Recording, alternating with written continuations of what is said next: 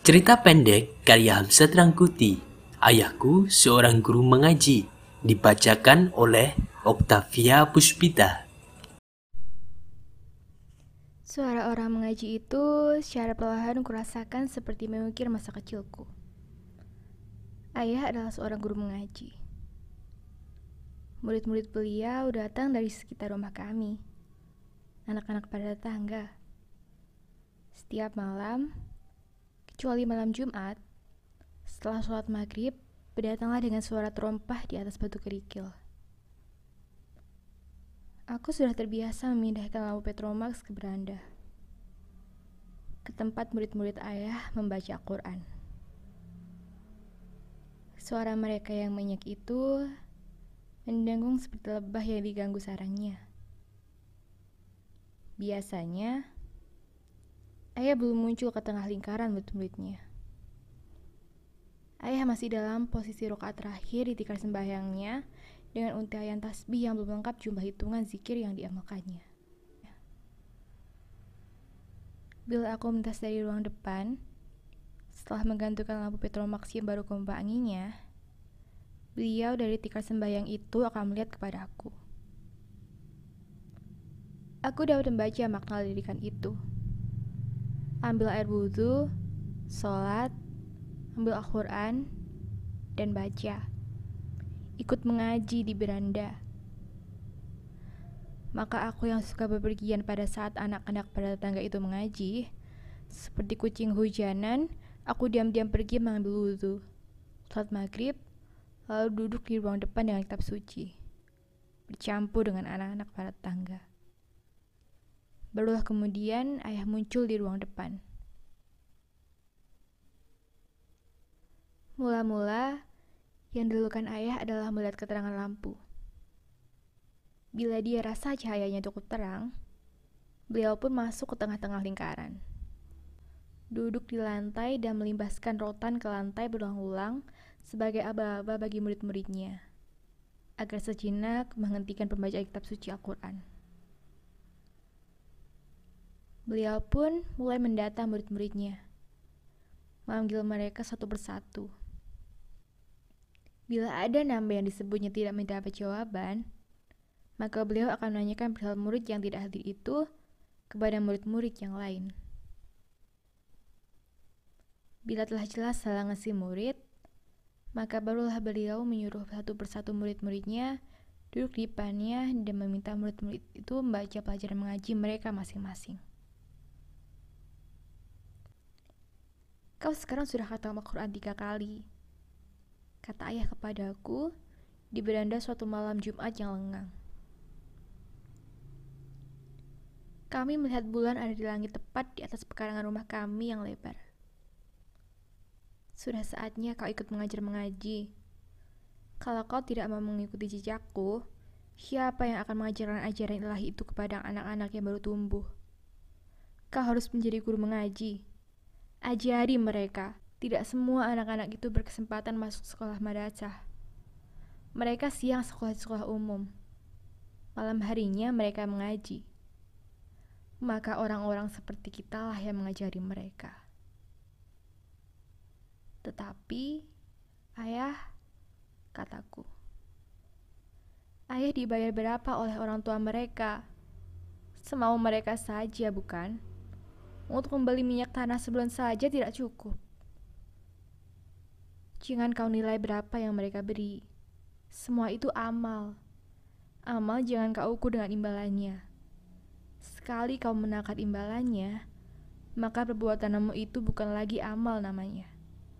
Tetapi orang yang diupah. Aku bukan orang yang diupah. Aku guru mengaji. Tetapi Para mubalik kaya raya. Sekarang sudah tidak saatnya bersikap seperti itu, ayah. Semua orang di sekitar tempat kita ini sudah memasukkan listrik rumah mereka. Apa salahnya kalau ayah meminta kesediaan orang tua murid-murid ayah menyumbang untuk memasukkan listrik rumah kita? Aku capek memompa lampu. Capek katamu? Kalau kau mengeluh karena capek, itu bukan amal lagi namanya. Tuhan akan menunjuki jalan untuk kita masukkan listrik bila saat dikehendakinya tiba. Kapan itu? Jangan kau tanya. Aku tidak bisa menjawabnya. Insya Allah, kataku. Kemudian, keadaan telah menjadi lain begitu listrik masuk di sepanjang jalan tempat kami tinggal.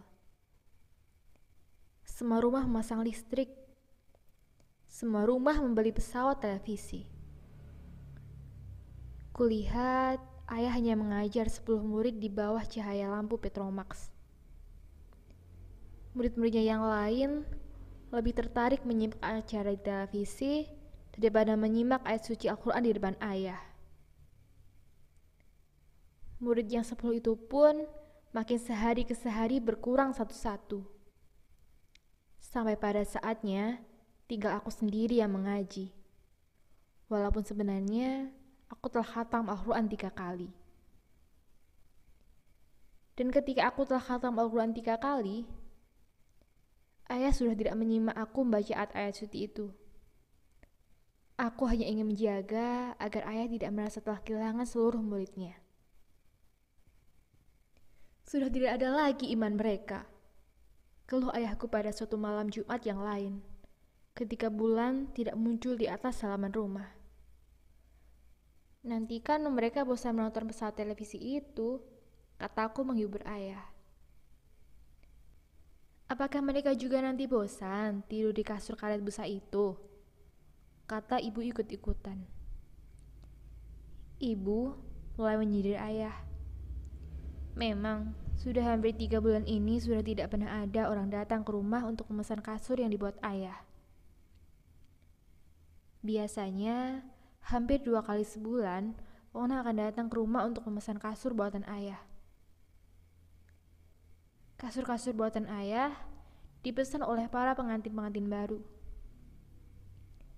Ayah terkenal sebagai guru mengaji dan pembuat kasur nomor satu di daerah tempat tinggal kami. Itulah usaha ayah sehari-hari.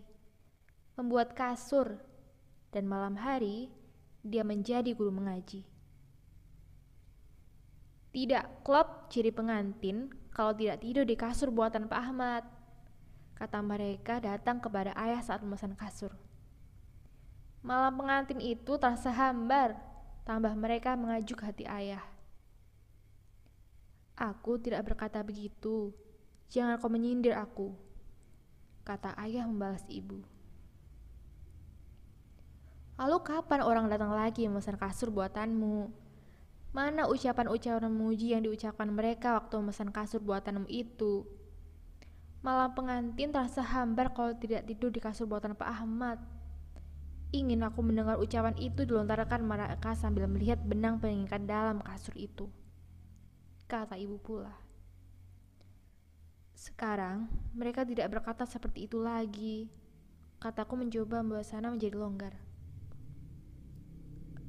Apa kata mereka dengan kasur model baru itu? Coba tirukan, aku ingin mendengarnya, kata ibu kepadaku. Kulihat ayah memandang kepadaku. Katakan coba, aku juga ingin mendengarnya, kata ayah. Sama empuknya dengan kasur buatan Pak Ahmad, Enteng menyebutnya, kataku. Kasur yang kubuat, kapuknya tidak tanggung-tanggung. Kalau tidak berdua, tidak terangkat. Itu baru kasur ya ya. Tapi, di mana pemesan-pemesan itu? Tetapi, di mana pemesan-pemesan itu? Hah, sudahlah, ikutlah bersamaku ke makam. Bantu aku menjual bunga rampai itu. Lebih baik kau beralih ke bidang penjual bunga untuk para beziarah.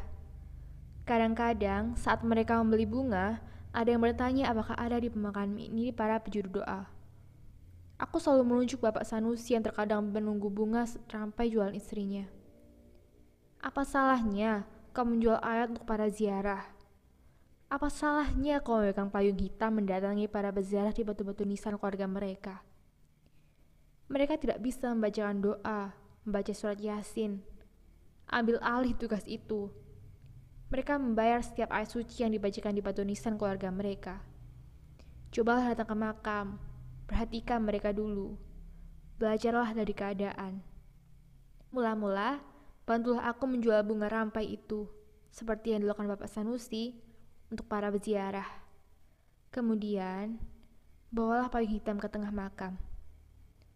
Para berziarah akan melirikmu. Mereka membutuhkan orang membaca surat Yasin dan doa. Bapak Sanusi sekarang kulihat tidak lagi menunggu permintaan, tetapi langsung baca ayat suci itu. Dan mereka langsung memberi uang tanpa dimintai Bapak Sanusi. Jadi, tampaknya sudah saling mengerti. Aku lalu teringat kepadamu. Aku menjual bunga dan kau mengaji di makam-makam. Bunga dibeli mereka dariku, dan ayat-ayat suci dibeli mereka dari suamiku. Begitu aku berpikir dan itu telah lama ingin kusampaikan kepadamu. Apalagi yang ingin kau lakukan?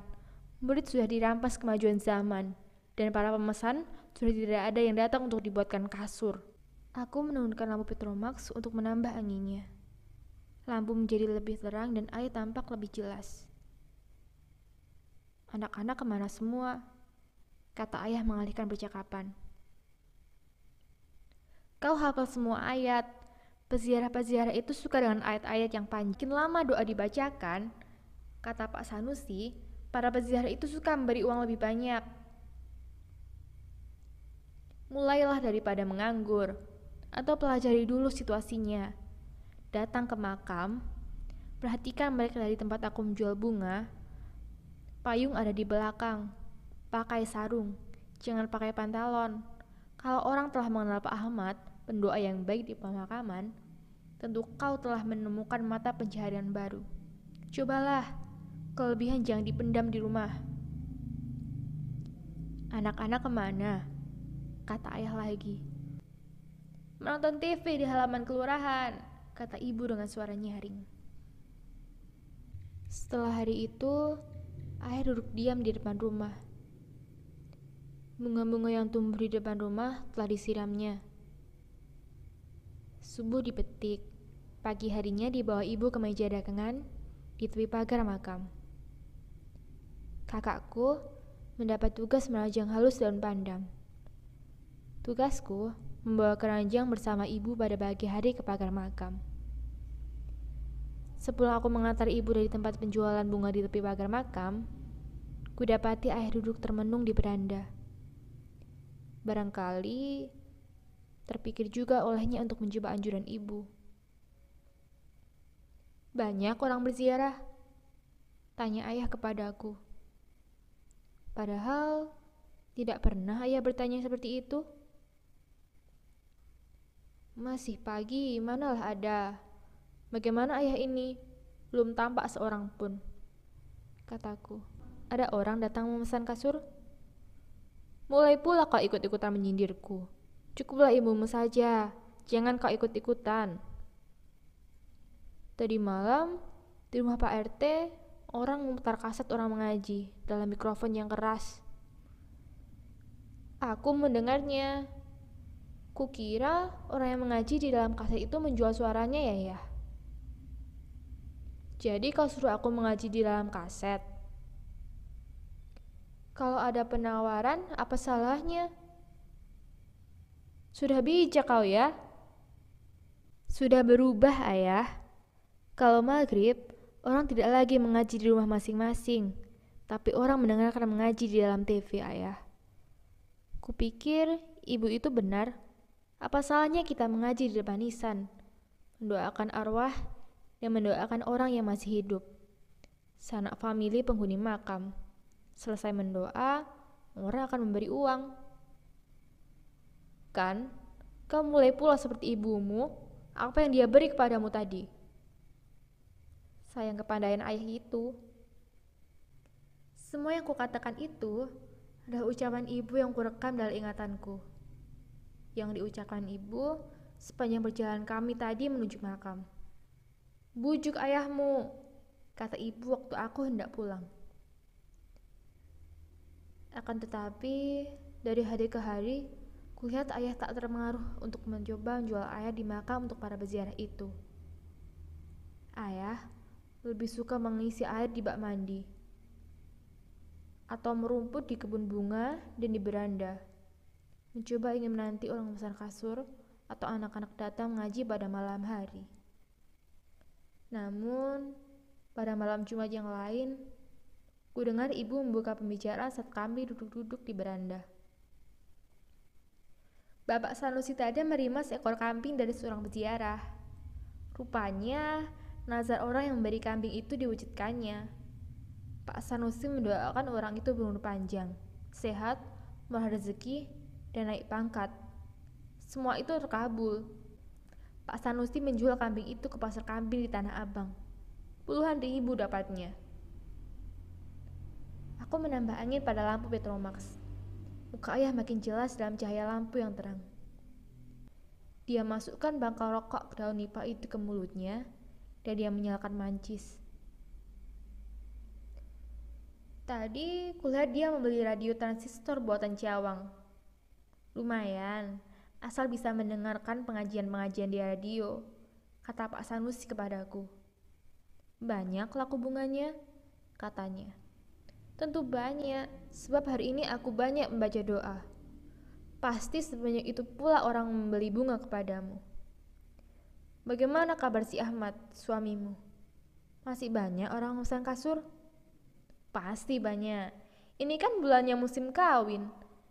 Haji Roy sudah memesan kasur ke rumah kalian. Dia akan mengawinkan anaknya. Sudah dia datang? Tanya Pak Sanusi kepadaku. Aku bilang, Mungkin Haji Roi datang hari ini. Ada Pak Haji Roi datang memesan kasur kemarin? Tanya ibu. Mungkin besok, kata ayah. Hari ini tak ada orang yang datang memesan kasur. Ayah sudah mengeluarkan asap rokok daun nipah itu dari mulutnya.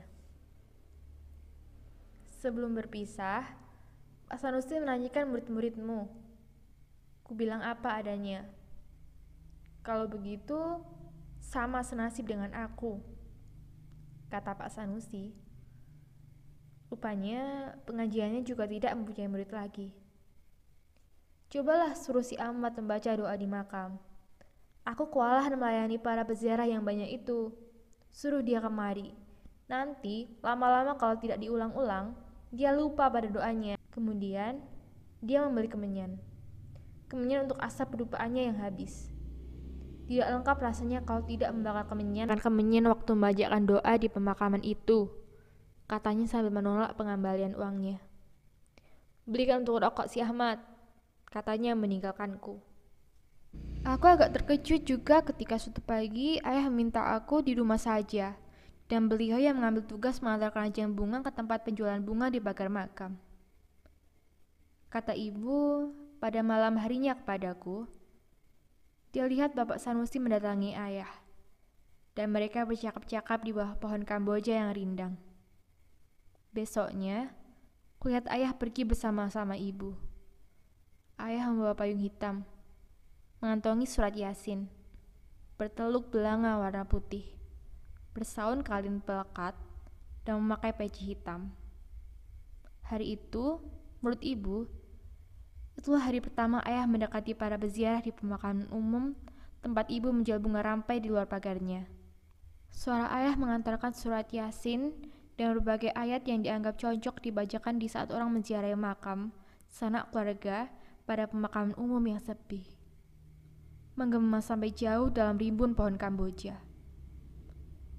Ia menerima uang pemberian dari para peziarah itu dan kemudian mulai pula mendekati peziarah yang lain.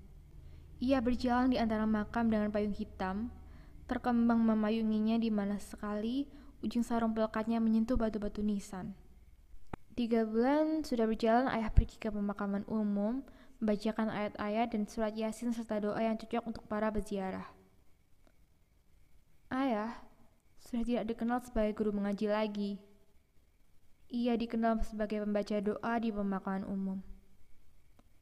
Dan aku dikatakan orang anak si pembaca doa di batu nisan. Ibu sudah tidak bersungut kalau kami duduk-duduk pada malam hari sebelum tidur. Belum ada orang yang bernazar memberi seekor kambing kepadamu. Kata ibu membuka percakapan. Aku tidak diam begitu saja setelah membaca yasin dan doa bagi mereka. Aku nasihati mereka. Aku katakan, semua ini kulakukan karena terpaksa. Tiga bulan sudah berjalan ayah pergi ke pemakaman umum, membacakan ayat-ayat dan surat yasin serta doa yang cocok untuk para peziarah. Ayah sudah tidak dikenal sebagai guru mengaji lagi. Ia dikenal sebagai pembaca doa di pemakaman umum. Dan aku dikatakan orang anak si pembaca doa di batu nisan. Ibu sudah tidak bersungut kalau kami duduk-duduk pada malam hari sebelum tidur. Belum ada orang yang benar-benar memberi seekor kambing kepadamu, kata ibu membuka percakapan. Aku tidak diam, aku tidak diam begitu saja setelah membaca yasin dan doa bagi mereka. Aku nasihati mereka.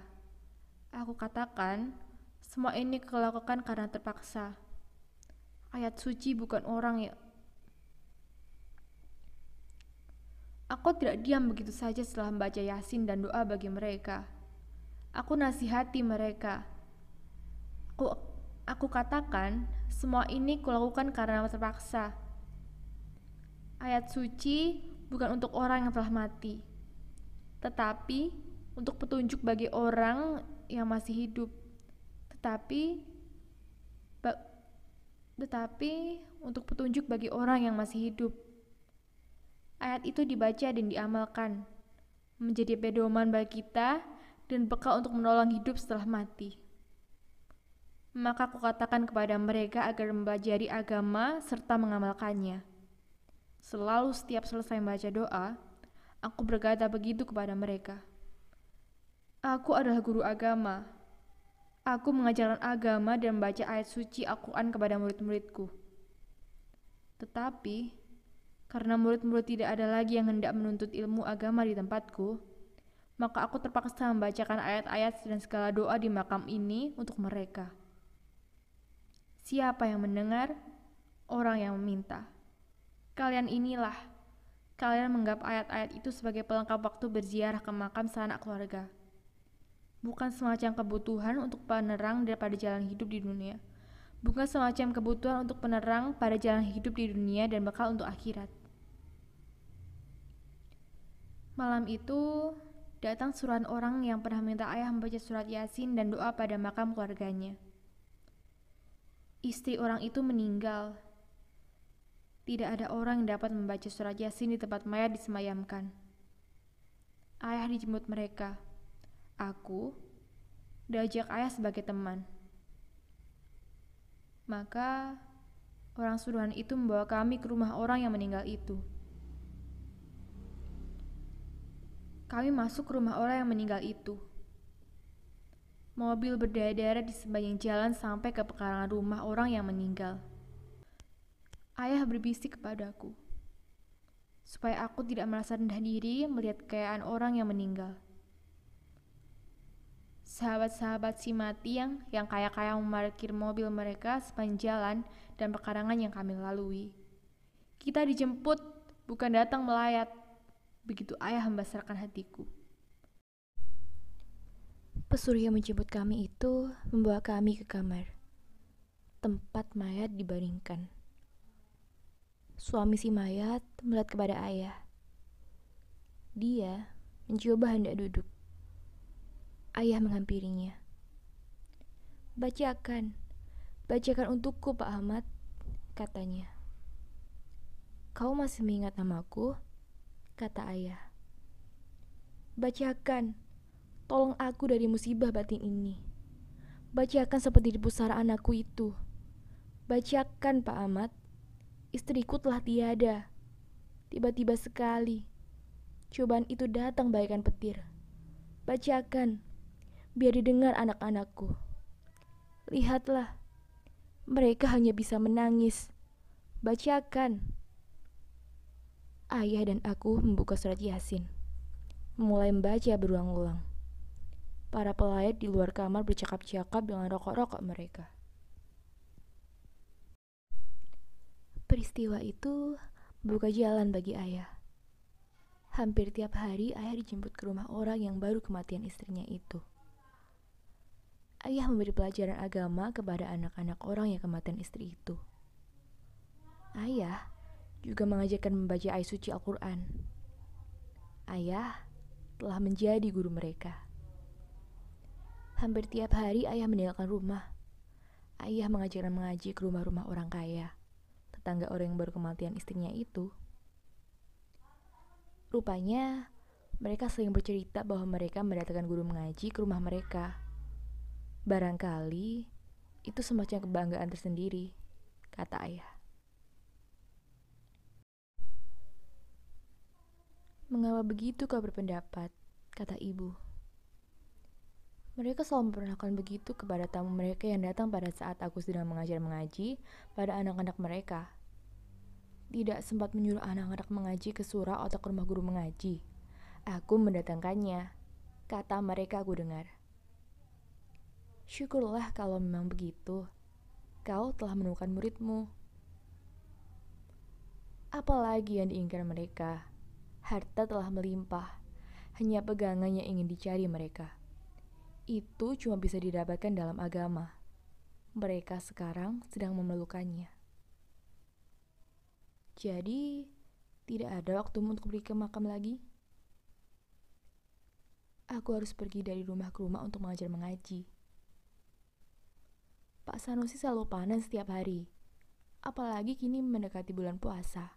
Banyak peziarah. Apa kau sudah bisa baca doa di makam menggantikan ayahmu? Kata ibu menengok ke ayahku. Aku diam. Yang terdengar suara ayah. Banyak permintaan untuk mengajar agama di rumah-rumah sahabat mereka. Aku hampir tidak punya waktu. Kupikir kesempatan mengajar harus diberikan juga kepada Pak Sanusi. Ajaran agama untuk orang yang hidup bukan untuk orang yang telah meninggal. Pak Sanusi mungkin sependapat dengan aku. Dia harus mengajar kembali. Banyak orang kaya mencari guru agama untuk mendidik anak-anak mereka. Mereka tidak sempat mengantar anak-anak mereka ke surau-surau atau ke rumah guru mengaji. Mereka mendatangkan guru agama ke rumah mereka. Pak Sanusi harus kuajak. Sayang, ilmu agamanya hanya dibacakan untuk orang yang telah mati. Pak Sanusi harus kuajak. Agama untuk orang yang hidup, bukan untuk orang yang mati. Suatu malam, setelah berlangsung begitu lama, di beranda, pada waktu malam Jumat yang berbulan-bulan penuh, ayah, ibu, aku, dan semua saudara duduk berleha-leha menunggu waktu tidur. Seperti biasa, Ibu selalu membanding-bandingkan rezeki ayah dengan rezeki yang diperoleh Bapak Sanusi. Malam itu, ibu pun tidak pernah lupa menyinggung rezeki keduanya. Tahun lalu kambing. Tahun ini, apa pula rezeki yang bakal menimba Bapak Sanusi? Lembu barangkali, kata ibu. Dia tidak melihat kepada ayah setelah berkata seperti itu. Tapi ibu melihat dunia yang sangat sepi di luar sana. Bulan tampak mengambang di langit biru. Seekor burung malam hinggap di ranting tak berdaun. Di belakangnya, bulan-bulan penuh. Yang mana yang dilihat ibu? Bulan atau burung malam yang hinggap di ranting tak berdaun itu? Mendengar ucapan ibu itu, terdengar ayah tiba-tiba berbicara mencah kesunyian. Orang kaya Orang kaya yang kematian istri itu meminta aku ikut ke tanah suci sebagai pembimbing agama mereka. Orang kaya itu beserta anak-anaknya akan menunaikan ibadah haji tahun ini. Aku, mereka minta ikut bersama mereka. Alhamdulillah, kata ibu. Bagus rezeki ayah, kata abangku yang duduk di pojok beranda. Ternyata, banyak jalan menuju surga, kata ayah. Yang penting sampai, kataku. Kulihat ayah senyum. Ayah memandang tepat kepadaku. Soal sampai bukan urusan kita. Itu rahasia Allah. Tapi itu kan janji Allah. Itu benar. Tetapi yang terpenting adalah bagaimana kita melaksanakan apa yang menyebabkan Allah menepati janjinya. Kulihat wajah ayah yang terus memandangku. Aku melihat wajah ayah yang sebenarnya. Wajah seorang guru mengaji Ayah memang benar-benar seorang guru mengaji. Seorang guru agama. Dia tidak terpengaruh oleh perubahan zaman. Walaupun pekerjaannya telah dirampas kemajuan zaman. Di mana kapas sudah digantikan karet busa untuk sebuah kasur.